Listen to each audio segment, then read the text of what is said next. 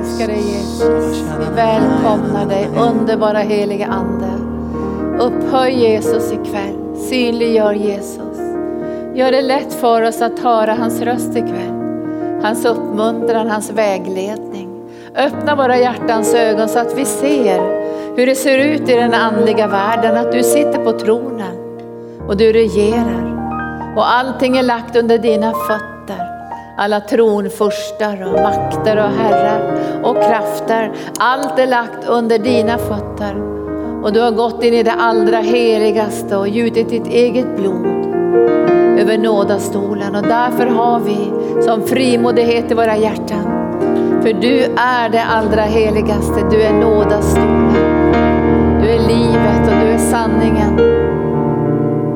Och du är vägen och du är brödet.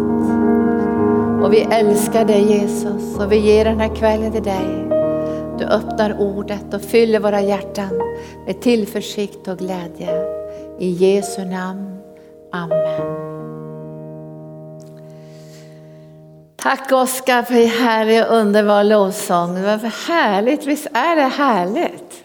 Och Eva-Lena så goda ord. Så fin inledning.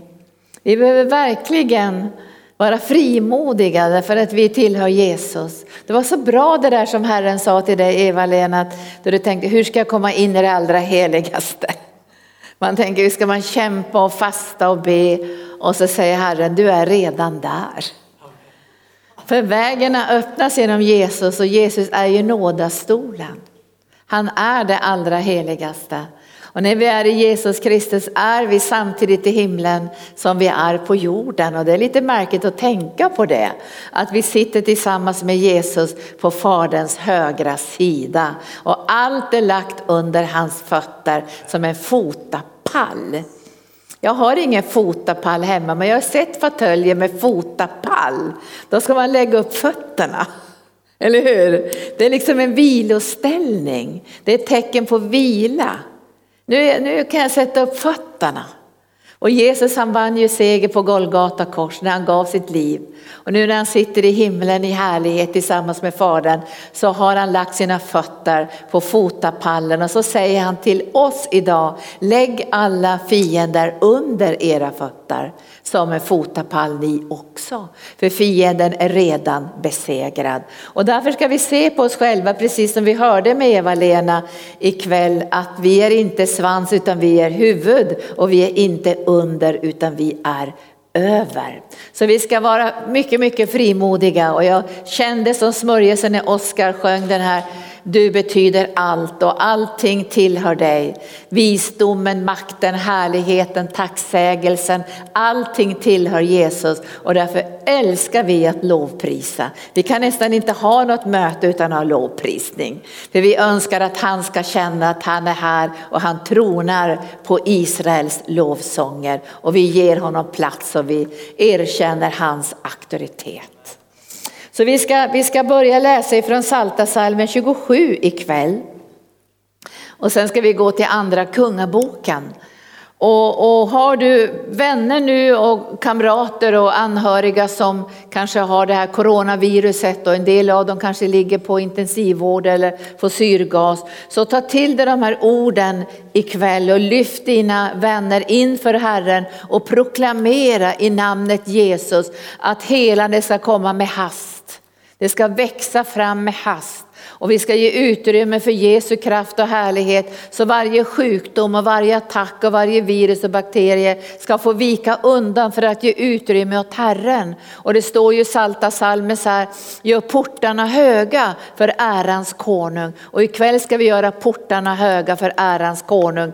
Och vi ska sätta tro till att de som är sjuka ska få bli friska. Och även om man skulle ligga i respirator just nu och kanske oroa sig i, i någon drömliknande tillstånd tillstånd så är Jesus där när du ber för dina anhöriga och de får tag i Jesus även i det tillståndet i respirator och de kan vända sig till Jesus och be om utrymme för hans helande kraft in i sitt liv. Därför han är inte begränsad på det sättet Jesus. Man kan till och med ta emot Jesus utan att kunna prata som sin personliga frälsare. Så det är inte för sent för att någon ligger i koma eller någon har fått eh, något bedövningsmedel för att inte vara för, för stark starka ångestkänslor. Jesus är där, så sluta inte be utan håll fast vid Guds godhet och Guds kärlek och hans segerkraft.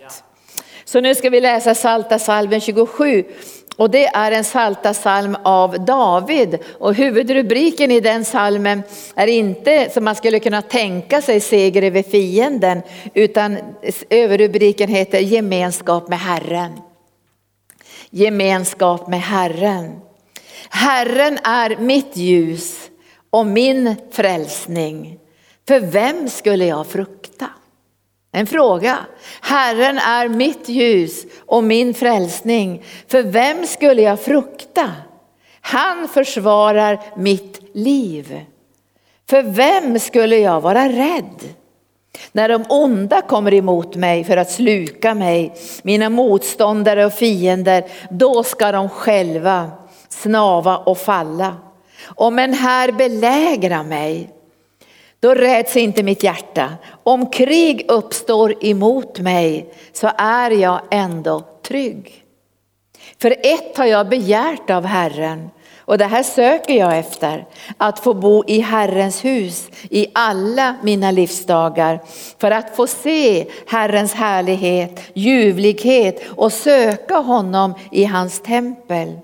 Han gömmer mig i sin hydda på olyckans dag, han beskyddar mig i sitt tält. Han för mig upp på en klippa. Nu är mitt huvud högt över alla mina fiender omkring mig och jag vill offra jublets offer i hans tält och jag vill sjunga och spela för Herren. Den här salmen den andas ju trygghet, den andas visshet, den andas förtröstan mitt i svåra omständigheter. För det är en sak om krig uppstår emot oss. En annan sak är om det blir belägring av fienden. Och det ska vi tala om ikväll. En gång för många år sedan så var det någon som sa, det är så mycket krig emot mig. Och då sa jag, nu är du så trött sa jag, så lägg dig i skyttegraven och så prisar du bara Herren. Så åker pilarna förbi ett tag, sen kan du resa dig upp igen och proklamera segern. Ett har jag begärt av Herren och, och, det är viktigt att man har kvar det där, ett har jag begärt av Herren. Jag vill se hans härlighet, jag vill se hans ansikte, jag vill se hans kraft, jag vill se hans härlighet. Och när åren går så är det som att allt det här runt omkring förlorar sin lyskraft. Alltså det materiella förlorar sin lyskraft. Allt det här som man söker efter kanske när man är ganska ung och man vill ha det ena och det andra. Det förlorar sin lyskraft och det som finns kvar när åren går, det är den här längtan, jag vill se din härlighet, jag vill se ditt ansikte, jag vill komma in i en djupare gemenskap med dig. Och då ska vi titta på en text, för jag, när jag talade in på Facebook för innan jag gick hit på mötet så sa jag, det är viktigt för oss att behålla visionen i våra hjärtan om vem Gud är i svårigheter och prövningar. Och att man behåller det genom hela processen av prövning. Så man får någonting som Bibeln kallar för uthållighet. Och i den här texten i andra kungaboken så ska jag bara berätta lite om den här profeten som heter Elisa i kapitel 6. Ni känner ju till Elia, kanske han är mera känd i Bibeln, men Elisa var ju den som hängde på Elia. Och han var ju en av de här lärjungarna som ville följa Elisa hela tiden och hålla sig nära honom för han såg någonting över Elia som han ville ha, det var smörjelsen. Har vi lite vatten? Jag tror det. Han ville ha smörjelsen. Och de andra profetlärjungarna de, de stod lite på distans så här. Men han ville vara nära Elia för han ville ha smörjelsen. Han såg någonting och han sa så här mot slutet när Elia var på väg till himlen så säger han, jag vill ha en dubbel lott av din smörjelse. Jag vill ha dubbelt så mycket som du har. Det säger han till profeten Elia. Jag vill ha dubbelt upp. För han såg någonting som var så dyrbart han tänkte jag måste få mer av det här. Och det ska väcka en längtan också i våra hjärtan. Är det någonting som vi ska längta efter så är det Guds närvaron, kavod och doxa, den heliga andes smörjelse. Och ni vet ju att Elisa han fick sin dubbla lott. Därför att då säger Elia till honom, om du ser mig när jag lämnar den här världen, då ska jag kasta manteln. Och så fick ju den här Elias sin himlafärd i en vagn av eld och då kastade han manteln och Elisa fångade upp den här manteln och följde i Elias fotspår. Och i den här texten, då händer det någonting. Det är en jobbig situation, det blir en, ska säga, en attack mot Elisa. Och det är en sån stor och fruktansvärd attack så han har inga möjligheter att, att klara av det för han är ju inte en stridsman på det sättet och han är ju själv tillsammans med sin tjänare. Och nu har fienden kommit för att döda Elisa. Och de har inte kommit med tre, fyra soldater, de har kommit med en här. Vagnar och hästar, alltså det, det, går bara inte att möta den här stora hären på ett naturligt sätt. Och då kommer Elisas tjänare och säger, ack min herre, Ack min Herre, och det kan du läsa ifrån versen 15 i kapitel 6. Ack min Herre, för när gudsmannens tjänare tidigt på morgonen steg upp och gick ut, se då fick han se en här med hästar och vagnar som hade omringat staden. Tjänaren sa till gudsmannen, O min Herre, vad skall vi ta oss till? Det är en fråga som många människor har i prövningens stund. Vad ska vi ta oss till? Därför att det är, det är för mycket problem. Fienden är för stark, sjukdomen är för kraftfull, ekonomin är för dålig. Vad ska vi ta oss till? Jag tror att stora delar av mänskligheten har ställt sig den frågan i den här pandemin. Vad ska vi ta oss till? Och då så säger då Elisa någonting här. O min herre, vad ska vi ta oss till? Då svarade Elisa honom något som Jesus alltid sa, i alla fall många gånger efter uppståndelsen. Var inte rädda. Var inte rädda. Och det här är någonting som vi måste ta in i våra hjärtan i svåra omständigheter. Var inte rädda, öppna inte upp för fruktan. För när fruktan börjar komma in i våra hjärtan så förblindas våra ögon så vi ser bara omständigheterna. Och djävulen är ganska sådär listig så han förstärker det. Så det blir bara värre och värre. Men, men Elisa säger till tjänaren så här, var inte rädd, var inte rädd. För de som är med oss är fler än de som är med dem. Det sa han bara ut. Hur visste han det? Han kände Gud. Han visste hur många herrar, hur många soldater, hur många hästar, hur många vagnar som omringar staden för att döda mig. Så kan jag tala ut i andevärlden att de som är med mig är fler än de som ni ser nu i det synliga. Det trodde ju inte den här tjänaren på. För det här är inte färdigt här. För Elisa får ju börja be. Och Elisa bad, Herre öppna tjänarens ögon så att han ser. Öppna tjänarens ögon. Och det här är något som vi får bedja för oss själva. Öppna våra ögon så vi ser in i den andliga, om, andliga verkligheten. Annars kommer du och jag bara se omständigheterna. Och då får vi fråga igen, vad ska vi ta oss till? Men vi ska säga till Herren, jag tänker inte vara rädd för de här omständigheterna. Öppna mina ögon så jag ser hur det ser ut i den andliga världen.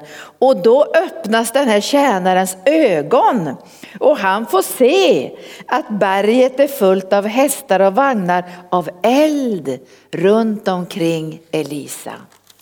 När han sett det här så kan man ju tänka att nu när han har sett den här fantastiska synen och Elisa har fått uppenbarelsen om att att, att Gud är med honom och den här fienden har ingen makt över honom. Så skulle man ju tänka att nu slutar allting här. Nu blir det seger. Men jag ska säga det blir värre. Och det är det som man kan kalla för att man blir belägrad av fienden. Och jag tycker faktiskt den här coronaepidemin har varit en belägring. När, när vi fick information om den i, i det var väl i februari, mars någon, någon gång. Då var jag på hade jag precis varit i Israel och sen efter några dagar så åkte jag till Kanada och så började jag märka när jag var i Kanada och Israel att folk började använda munskydd och det var mycket lite, man kände fruktan och när vi var i Israel på en retreat så var det flera som ställde in och ville inte komma på retreaten för de var rädda att bli smittade av oss då som kom från Sverige. Vi visste ju inte någonting om någon corona då. Men när jag kom tillbaka hit till arken då var det redan före föreskrifter på dörren. Vi får bara träffas 50 personer. Och då tänkte jag, ja men det här kanske är blixtkrig, det går, det går över om tre veckor. Så tänkte jag. Det här kommer att gå över, det här klarar vi. Så jag, så vi, pastor Gunnar och jag, vi sökte Herren och vi hörde Herren säga så här, ni ska inte lägga ner någonting, ni ska tjäna precis som vanligt. Alla lovsångare på scenen, ni ska be för människor, ni ska predika, ni ska göra allting som vanligt. Även om ni måste göra om kanske helande dagarna lite annorlunda och, och be för oss syskonen på nätet. Och du är ju med mig ikväll, du har ju varit med på helande dagarna nu. Du som ser mig nu, en del av er har varit med på Arkens helande dagar som avslutas ikväll. Och då har vi bett för dig genom telefoner, du har fått möta oss på nätet och vi har flödat med den heliga ande. Men jag tänkte att det här kommer att gå över om några veckor, absolut. Och så märkte jag utnötningskrig, en belägring. Och då känner man, en del kyrkor börjar stänga. Andra kyrkor hade inga offentliga möten, alltså de sände inte live. De gjorde sina möten i tv-studion och sände de liksom inspelade då. Så församlingen fick inspelade möten. Och vi frågade Herren, hur ska vi göra? Han sa, fortsätt som vanligt. Låt personalen göra exakt det vi har gjort hela tiden. Vi ber för människor, vi predikar, vi betjänar, vi flödar i den heliga ande, vi för ut våra produkter. Vi gör precis som vanligt. Och jag tänkte, nej men du kommer, nu kommer till, till ja, någonstans i mars, nu, nu, mars, april, maj tycker jag, nej, man får det ta slut där. Hur ska vi göra på mirakelkonferenser? Vi har ju flödesbön och, och allt det här och predikanter ska komma. Vad sa Gud? Gör precis som vanligt. Predikanterna kom hit och predikade fast det nästan inte var en enda människa i lokalen. Men vi kände så här, det är tusen i lokalen.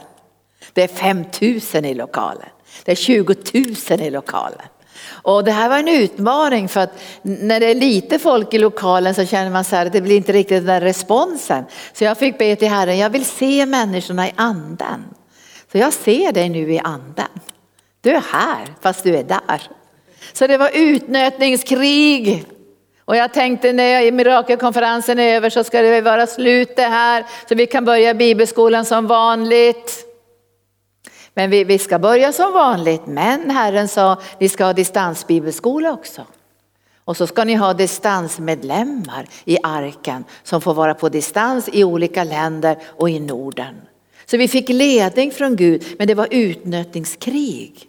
Och vi tänkte hur ska vi kunna klara vår ekonomi i den här situationen med alla anställda vi har i arken. Det var utnötningskrig. Men Gud sa fortsätt som vanligt, fortsätt som vanligt. Och vi kände välsignelsen men det var utnötningskrig. Och när vi kommer in i den här texten och, och nu, när jag läser för dig nu om Elisa, jag tycker du ska läsa sen för det här är så jätteroligt att läsa om hans liv. Så står det i, i versen 24 i 6 och 24 att Samarien belägrades. Hjälp, de stannar ju kvar fienden. Jag tänkte nu får de fara iväg, det är vagnar av eld och hästar av eld och nu springer fienderna i världens väg. Nej men nu vart det belägring. Men Elisa behöll visionen i sitt hjärta, han såg. Hela himlen är fylld med vagnar av eld och hästar av eld och Gud är med mig. Han tappade inte det. Det blev en otrolig nöd och jag läste om den här nöden att om man ville ha ett åsnehuvud att äta så kostar det flera årslöner. Vet ni det? Flera årslöner för ett åsnehuvud. Och ville man ha lite, lite duvspillning eller duvbajs därför att man skulle kunna elda med det så kostade det så mycket att man hade ingen möjlighet att köpa det. Sån belägring var det och det var en sån fruktansvärd utmaning så vem som helst skulle ju ha tappat tron på att det var änglar och eh, hästar och vagnar av väld runt omkring Elisa. Eller vad säger ni? Men han tappade inte den himmelska visionen. Och därför måste du och jag se Jesus sitta på Faderns högra sida. Vi behöver se hur fienderna är lagda under hans fötter. Vi måste bevara det här i våra hjärtan. Annars kommer de här omständigheterna att stjäla ifrån oss den seger som är vår. För det är en tidsfråga. Det kan ta en vecka, det kan ta två veckor, jag vet inte hur lång tid det här tog. Men det var så fruktansvärd nöd. Så jag kan knappt beskriva det men du kan läsa det. Alltså det var en fasansfull nöd. Och kungen blev så arg så han sa, det här är Elisas fel. Det är Elisas fel att det har blivit belägring. Han har retat fienden så nu går vi och dräper honom. Så kungen tog sin medarbetare och sa nu går vi och slår ihjäl Elisa. Men Elisa hörde på långt håll i anden att kungen var på väg. Men han blev inte rädd, för han visste att han hade blicken på någonting som var större. Vagnar och hästar, änglar av eld som var runt omkring Elisa. Och när den här kungen kommer så är han så arg. Alltså han är så vred så att de är på väg att döda Elisa. Men Elisa kopplar ihop med Gud. Och det här tycker jag är så fantastiskt när han proklamerar ut. I sjunde kapitlet så kommer det profetiska ordet. Och det är någon som måste tala ut det profetiska ordet. Därför när man hamnar i svårigheter, i sjukdomar, i pandemier, i krig så är det någon som måste höja sin röst och koppla ihop med Gud. Och det behöver vi göra allesammans. Vi ska inte koppla ihop med det jobbiga, med det vi ser med våra fysiska ögon, utan vi måste kalla på det som ännu inte syns så som det fanns. Och Elisa han är så otroligt frimodig så han börjar tala ut i anden löften som är omöjliga att uppfylla. Så när du och jag talar ut Guds ord så kan inte vi uppfylla dem själva. Det är därför att det är mirakelord som kommer ifrån Gud. Så när Herren säger jag är din försörjare och när vi proklamerar ut det, Herren är min försörjare, så ska ju inte jag försöka uppfylla det i egen kraft. Det är han som uppfyller det. När du och jag proklamerar ut att Herren är min läkare så är det han som uppfyller de orden genom sin kraft och genom sin närvaro. Men han måste ha någon som säger orden som kommer från himlen. Men jag tror många gånger så, så kommer vi i den här kören av omständigheterna, eller hur? Så vi pratar om svårigheterna, omständigheterna, det som kan gå fel. Men Gud måste få din mun för att kunna förlösa ett mirakel.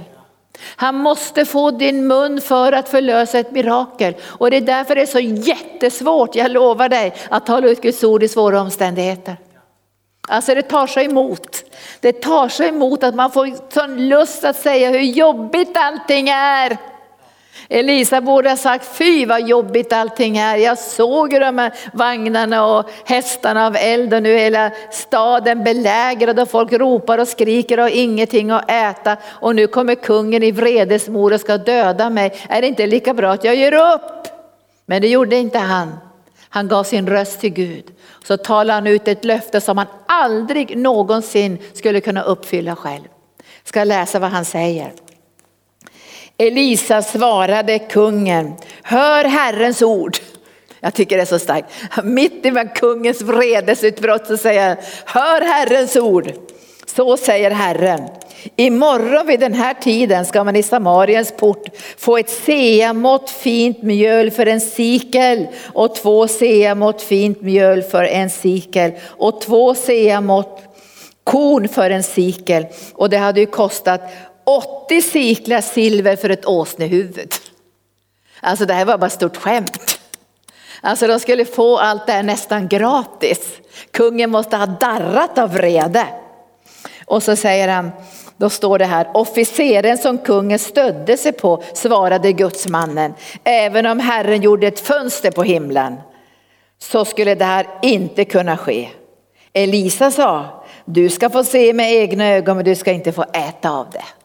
Därför otron förblir hungrig. Men när han talar ut de här profetorden, talar ut Guds längtan, Guds önskan, Guds lösningar, då händer det någonting i andevärlden.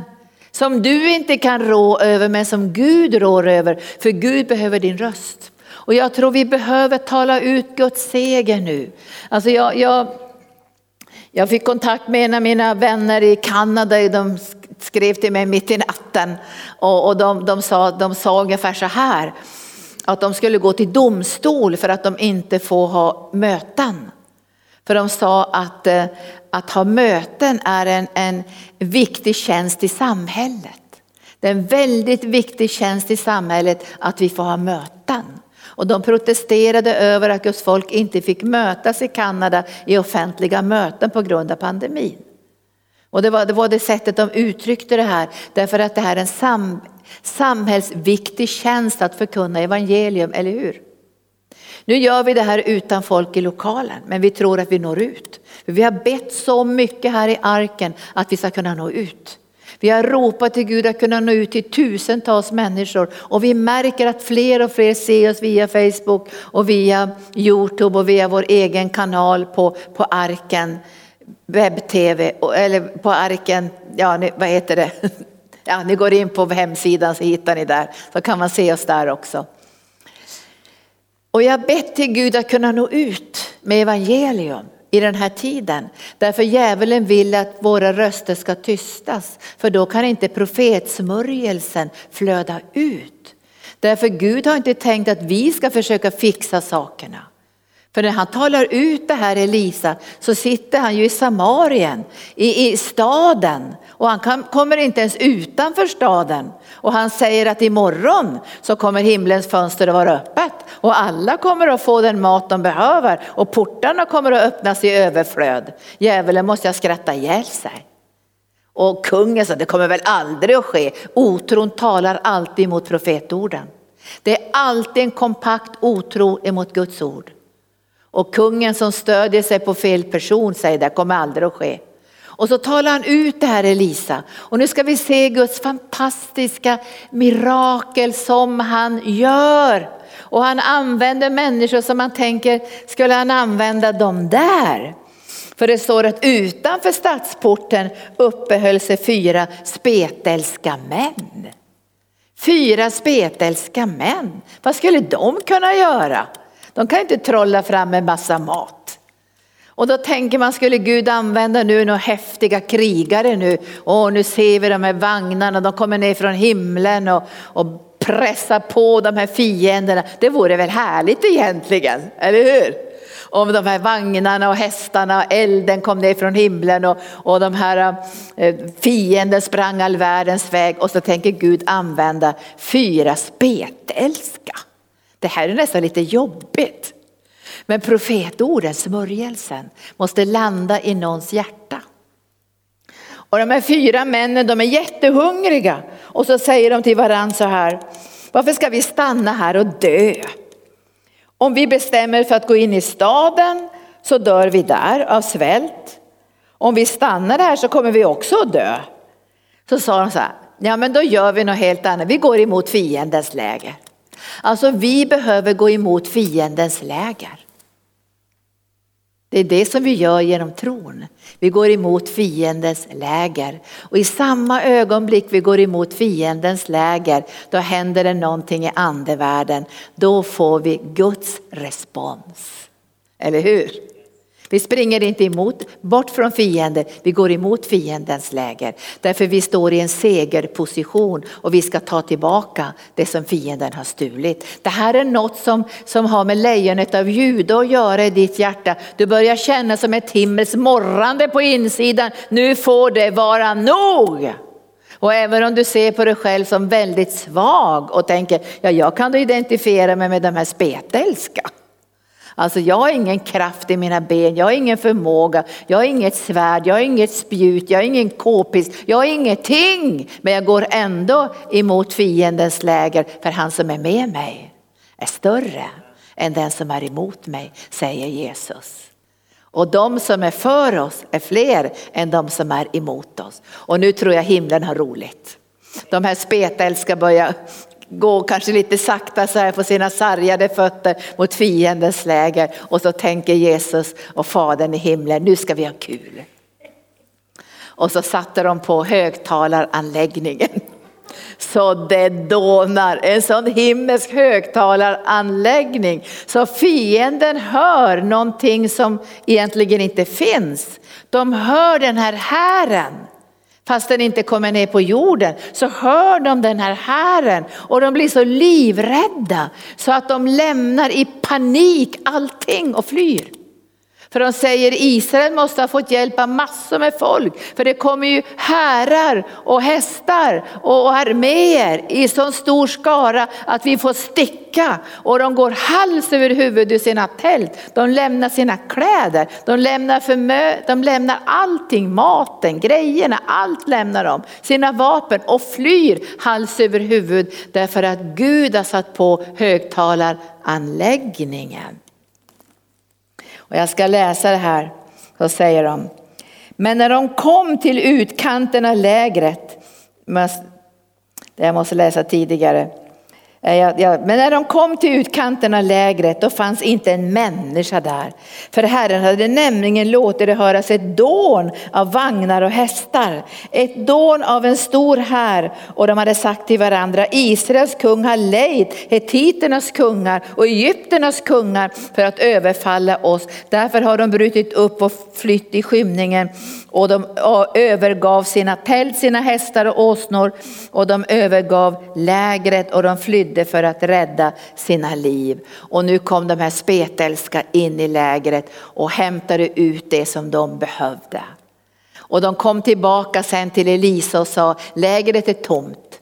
Och kungen han vill se det där men det står att, att han blev nedtrampad i porten för alla människor bara rusade genom den här porten för att komma till lägret och få sina behov mötta. Gud beredde en utväg. Och jag tror att när jag, när jag läste det här så var det som att Herren sa att ibland blir det en belägring i våra liv.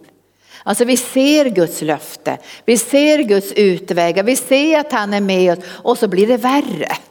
Och jag tror att, jag är inte säker på att den här pandemin är slut i januari. Jag, jag tror att det kan hända många saker under den här våren och många regler som kommer och många beslut som kommer. Men i allt det där när djävulen försöker hindra att evangelium når ut till människor så kommer Gud att sätta på högtalaranläggningen från himlen och vi kommer att få en ännu högre röst än vi tidigare haft där vi predikar och förkunnar och proklamerar Jesu Kristi seger på Golgata kors och människor får mod. För vi lever i en tid nu när människor lever i hopplöshet. När människor lever i isolering. Och jag läste om en känd sån här eh, person som jobbar med mat och så här så sa han, jag lever liksom i dödsskugga. Alltså i rädsla över att bli smittad när som helst. Och många människor lever i en sån rädsla för den här eh, osynliga fienden. För den här fienden syns ju inte med våra fysiska ögon. Men den kan finnas överallt, den kan finnas på kläderna, den kan finnas på matvarorna, på kassarna som vi hämtar när vi är på Coop eller någonting. Det kan finnas överallt. Och det kan skapa en sån rädsla i våra liv. Och därför behöver den heliga ande öppna våra ögon så vi ser vår livssituation, att den som är med oss är större än den som är i världen. Och att vi fortsätter att proklamera ut Guds ord så Gud kan lösa ut sina mirakler. Och de här miraklerna kanske inte först och främst sker genom dig och mig när vi proklamerar ut ordet, men vi löser ut en smörjelse så Gud kan använda använda människor på ett övernaturligt sätt för sina syften. För människor behöver höra att himlen är öppen och Gud är god och Gud längtar efter att få möta människors behov. Och jag tänker så här, när Elisa kom ut i den här prövningen, jag tror han var starkare. Jag tror att det var, det var nog på ett väldigt speciellt sätt för honom. Därför om det hade skett ett mirakel på en gång när Gud öppnade tjänarens ögon, då hade inte han fått se det här. Han hade heller inte fått glädja sig över de spetälska som fick vara med som kanaler för Guds godhet i den här svåra situationen. Han hade själv kunnat tänka, ja men jag vill vara kanalen för det här miraklet. Men han blev inte kanalen för miraklet. Det blev någon annan som blev kanalen för miraklet. Så ge inte upp nu, utan håll tag i Guds ord och säg till Herren så här, öppna mina ögon så jag fortsätter och ser att du som är med mig är större än den som bor i världen. Och så citerar du Salta salmen 27, ett har jag begärt av Herren, därefter längtar jag att få bo i Herrens hus. Och han ska lyfta mig högt ovanför mina fiender. Därför jag har begärt någonting som är så dyrbart för Herren, att få se hans härlighet. Och när jag, när jag begär att få se hans härlighet så vet jag också att allt det som finns i Jesus Kristus ska komma den här mänskligheten till del. Och jag har bett att den här pandemin som inte är Guds vilja, att Gud ska verka i den här pandemin för sin goda vilja. Så när människor är isolerade, de kan inte gå i mammons tempel, på Ikea eller på Small och Scandinavia eller på något annat köpcenter. De kanske stänger de här köpcentren och man känner jag måste få gå och shoppa annars får jag panik. Eller jag måste få gå på restaurang, jag måste få gå på bio, jag måste få gå på teater. Och så får allt det här stängs så kan ju Herren använda den här situationen, eller hur? Och människor kan börja tänka så här, varför lever jag? Lever jag ett ytligt liv och man börjar ställa andra frågor. Men Bibeln säger, hur ska man kunna komma till tro om ingen predikar? Och det är därför som jag tror att djävulens plan är att stänga alla kyrkor. Så att de kristnas mun blir tystad. Men Gud har en annan plan.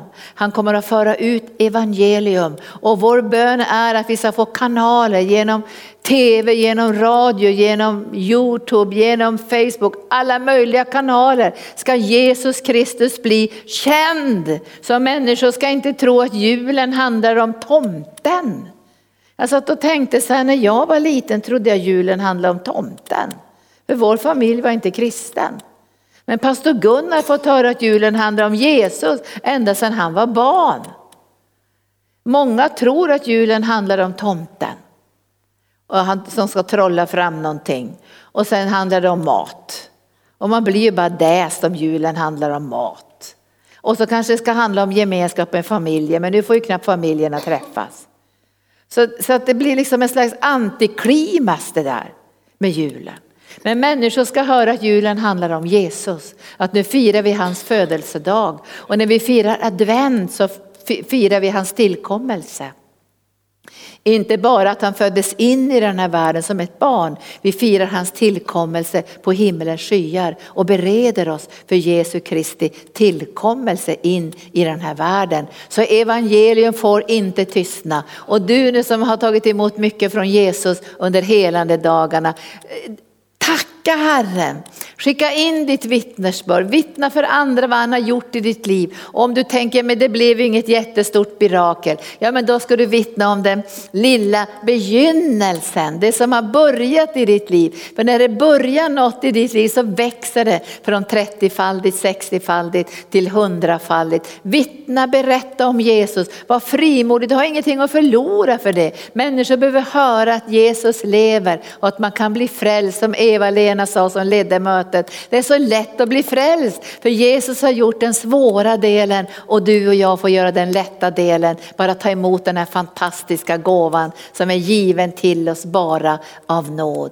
Om en här lägrar sig mot mig så fruktar jag inte. Om krig uppstår emot mig så är inte jag rädd för jag vet att Herren är på min högra sida. Han ska lyfta upp mig högt över mina fiender. Han ska bevara mig och beskydda mig. Han är min försörjare, min herde och mitt beskydd. Så Herrens ande är med dig. Så ta inte emot någon fruktan nu. Det, det är mycket som händer nu och jag läste också, det var i Expressen eller Aftonbladet att nu är det väldigt fara och färre att det kommer att bli det kommer att bli väldigt varmt i framtiden och det kommer att bli mer en ökning av flera grader mer än de har tänkt från början. Och vetenskapen har börjat säga att nu ser det illa ut.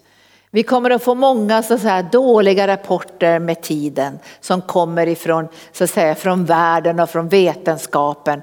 Men du behöver få dina inre ögon öppnade så du kan se någonting annat. För Jesus säger lyft blicken upp Se, jag kommer snart och det kommer att bli ny himmel och en ny jord där rättfärdighet ska råda. Och Gud vill att du ska vara hans röst. Låt inte din röst tystna. Försök att vara en röst var än du är och även om du måste hålla distans på olika sätt, kanske en eller två meter. Du kan ändå gå ut och vittna. Vi går ut och vittnar härifrån arken fast vi håller distans. Man kan hålla distans och vittna, man får prata lite högre.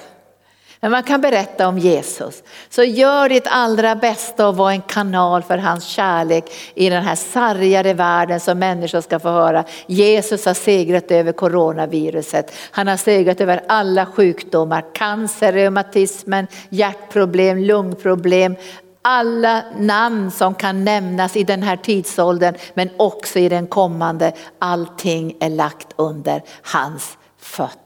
Och nu sjunger vi lite lovsång en stund och så ber vi att han öppnar våra inre ögon. Det blir bra det va? Så vi börjar se. Och behåll den här synen också. För att om det skulle hända att det går inte över på en gång, alltså, varför släpper inte det här och nu vill vi att det ska sluta det här jobbiga, så, så måste vi ändå säga Herre tack att jag får se med mina inre ögon hästarna, vagnarna av eld. För de som är med oss är fler.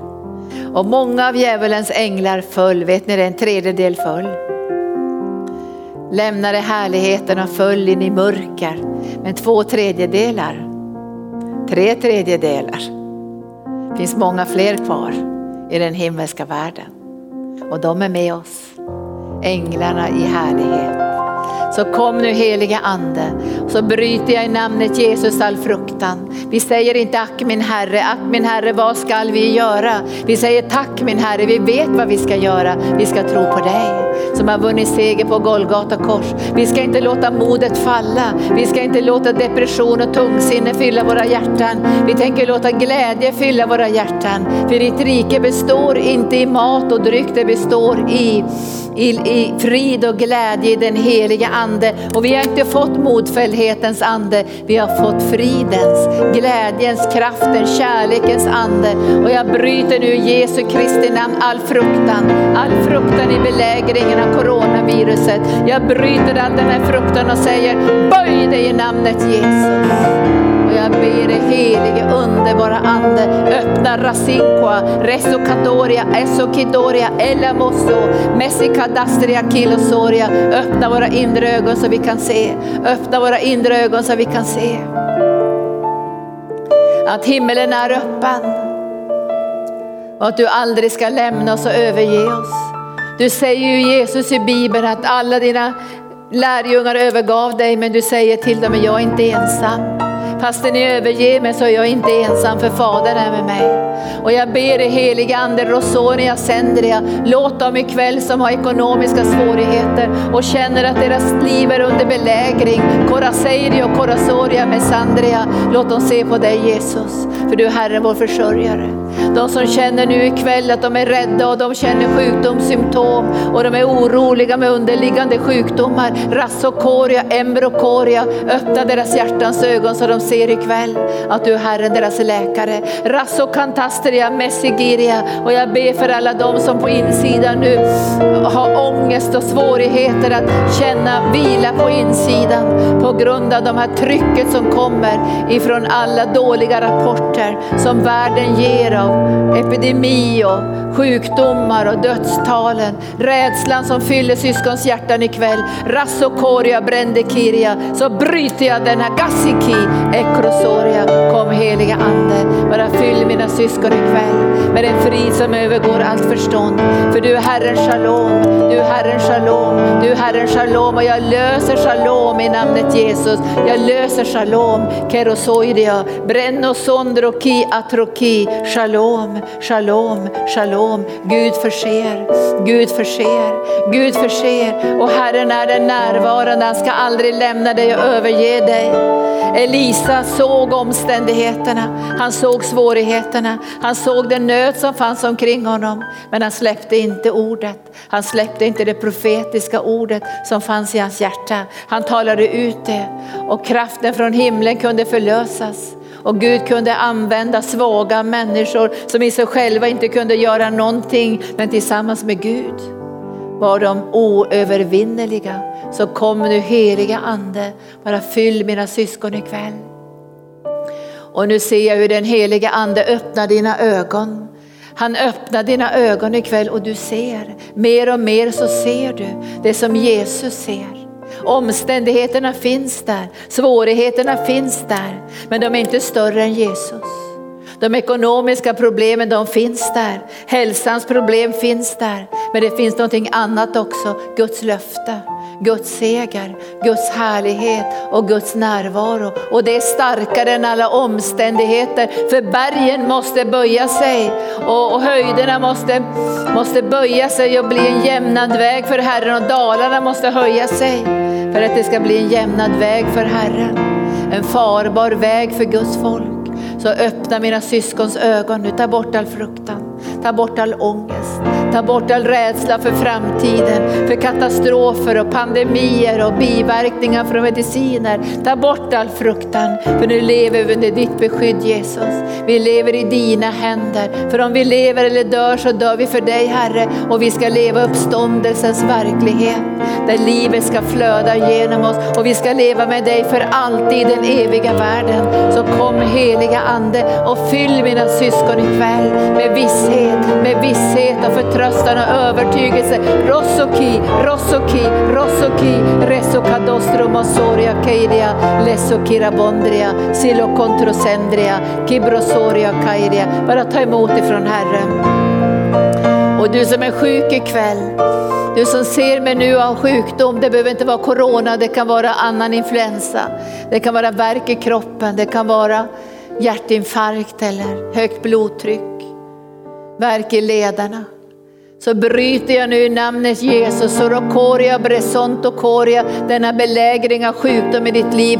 Böj dig i namnet Jesus. Och jag ber dig heliga Ande, kom med din mirakelkraft nu, just nu, in i mina syskons liv. Vi ger utrymme nu för dig Jesus. Vi ger utrymme för din läkande smörjelse.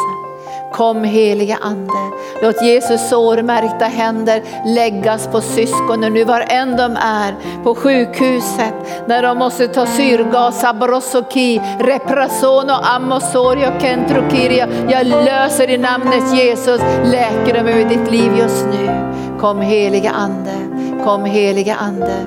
All känsla av isolering och ensamhet, låt det brytas nu i namnet Jesus. Och låt mina vänner och syskon få känna enheten med oss och med andra troende som sänder live på, i, sina, i sina församlingar så det blir en mötesplats i andan. Där vi kan möta varandra och flöda i den heliga Ande och i kunskapens ord och i visdomens ord. Kom helige Ande och bara verka nu. Nu känner du Guds ande över dig. Du bara ligger där i Guds hand. Krig har uppstått och kommit emot dig. Herrar har lägrat sig runt omkring dig. Men du är inte rädd. Du är inte rädd. För Herren är ditt ljus och han är din frälsning. För vem skulle du frukta? När han är ditt ljus och din frälsning. Om det här mänskliga, det som världen kan ge är ditt ljus och din frälsning, då får du vara fortsatt att vara rädd. Men om Jesus är ditt ljus och din frälsning, då fruktar inte du någonting. För han är större än allt det som finns i den här världen. Öppna våra hjärtans ögon. Nu ser vi, nu ser vi, nu ser vi, vi ser Jesus. Vi ser honom sitta på Faderns högra sida och vi älskar dig Jesus. Vi ser hur du reser dig upp nu och går in i det allra heligaste och proklamerar segern är vunnen, blodet är utgjutet och läkedom och frihet är barnens bröd. Och vi tar emot ditt bröd ikväll Jesus. Vi tar emot ditt bröd just nu ikväll. Och vi älskar dig Jesus. Vi vill äta av ditt bröd och dricka av ditt vin och få del av ditt eviga liv som flödar från himlen. Uppståndelsens kraft som ska verka i våra dödliga kroppar till välsignelse. Har du ett kunskapens ord Oskar, känner du att det är något du har där så får du ge det. Och Eva-Lena också, du har micken där. Om du får ett ord nu så tar du micken. Tack Jesus. Åh, vi är så tacksamma Jesus. Vi är så tacksamma. Är så om du tacksamma. finns där ute, om du finns där ute som, som känner att ditt hjärta är hårt. Om du känner att, att det har liksom, du har blivit sårad på djupet.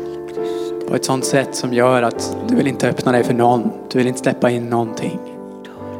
Och du, har- du har liksom stängt till och med för Jesus. Du kanske vet vem han är. Du kanske förstår att han är frälsaren. Att han är god. Att han är den han säger att han är. Men det har varit svårt att släppa in honom. Och då ber jag för dig just nu i Jesu namn. Namnet som är över alla namn. Åh Jesus.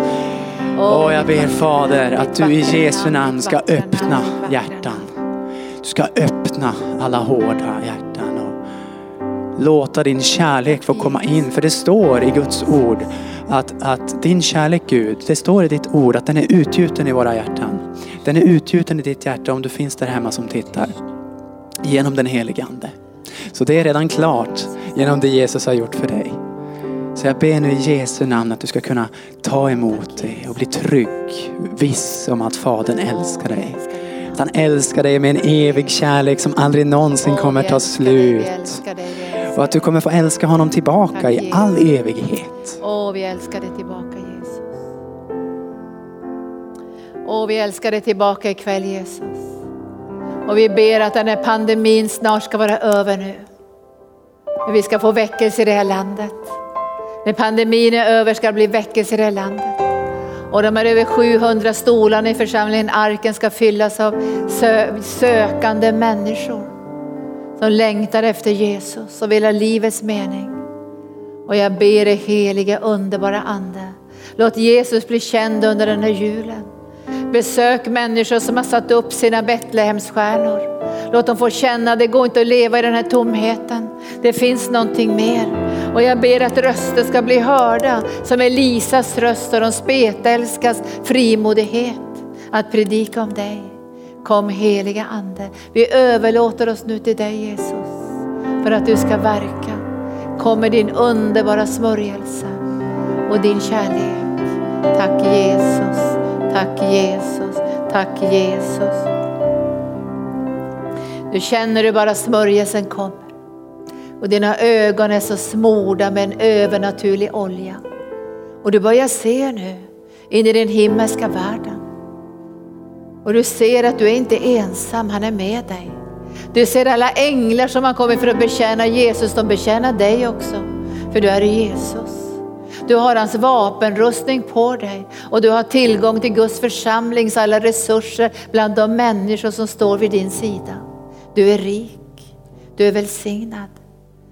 Låt tacksägelsen fylla ditt hjärta. Skriv ner i en bok alla dina tacksägelseämnen. Hur Gud har verkat i ditt liv, lett dig med sin kärlek, talat till dig. Bara skriv ner allt det och för det vidare. Kom heliga Ande och ta emot Jesus ikväll som din frälsare. Om du inte har gjort det så gör det ikväll. Om du vill göra en förnyelse och överlåtelse så gör det och säg Jesus jag gör en ny överlåtelse till dig. För jag vill följa dig och tjäna dig och älska dig. Kom heliga Ande, kom heliga Ande, kom heliga Ande, kom heliga Ande. Tack Jesus. Halleluja, tack Jesus. Jag ska strax avsluta det här mötet. Men är det så att du har kommit in nu och känner att du vill välsigna församlingen Arkens arbete så kan du se vårt swishnummer där. Vi, vi känner att vi har många syskon över Norden som vill fortsätta att välsigna oss, välsigna det som vi gör så vi kan ha en levande, ett levande arbete och nå ut till människor. Jag, jag tycker ju om att spela in tv-program och så här och jag tror Gud verkar i tv-program som är gamla, kanske ett helt år gamla och så. Men jag tror i den här pandemin är det viktigare än någonsin att vi får den här kontakten, eller vad säger du? Visst tror du på det också? Att vi kan som tala till varandra och känna, fastän vi inte fysiskt möts så möts vi i anden. Och jag tror det är välbehagligt för Herren att vi gör på det här sättet. Så känner du att du skulle vilja vara med och välsigna arken och det uppdrag vi har fått ifrån Gud. Och vi har ju många partner över världen som lider mycket mer än vi gör gör i Sverige i den här begränsningen. Vi har partner i 13 olika länder som vi tjänar ifrån arken och vi älskar våra syskon i Afrika och Filippinerna och Guatemala och, och Indien och Nepal och och Kambodja och många, många fler länder som, som ligger på vårt hjärta. Och känner du att du skulle vilja välsigna Jesus, för det är på grund av Jesus som vi gör det här. Idag så pratade jag på telefonen med en, en god vän som vi, var, vi kände varandra mera i ungdomsåren. Och vi, vi pratade lite grann om hur vi blev frälsta och hur vi mötte varandra och så här. Och då tänkte jag att när vi satt och pratade hon och jag, hon är en väldigt känd författare, så, så var det som att jag kom tillbaka till det där som var mitt hjärtas längtan som ung och det var att älska Jesus. Och så tänkte jag så här, nu har det gått över 40 år och jag har kvar samma längtan. Att få följa Jesus, älska Jesus och tjäna Jesus. Och det är en sån förmån för oss i arken att få tjäna Jesus tillsammans med er. Nu är det bara några stycken här ikväll. Men det spelar ingen roll för Jesus såg de stora skarorna och han såg den enskilda personen. Men bevara det här i ditt hjärta. Omständigheterna kan vara svåra och för många är de verkligt svåra. Men vi måste höja våran blick och be att den helige ande öppnar våra ögon. Annars kommer vi att leva i ack min Herre, vad skall vi göra? Och det står i Bibeln att människor kommer att stå rådlösa vid havet och vågornas stå. Men det ska inte du göra för du vet vem Gud är. Du vet hur god han är och att han längtar efter att få välsigna dig. Och det står till och med så här i Bibeln att han behöver hela evigheten för att visa på all godhet som han har gett dig i Jesus Kristus. Så nu lämnar jag över ordet till dig. Eva-Lena får du avsluta den här kvällen.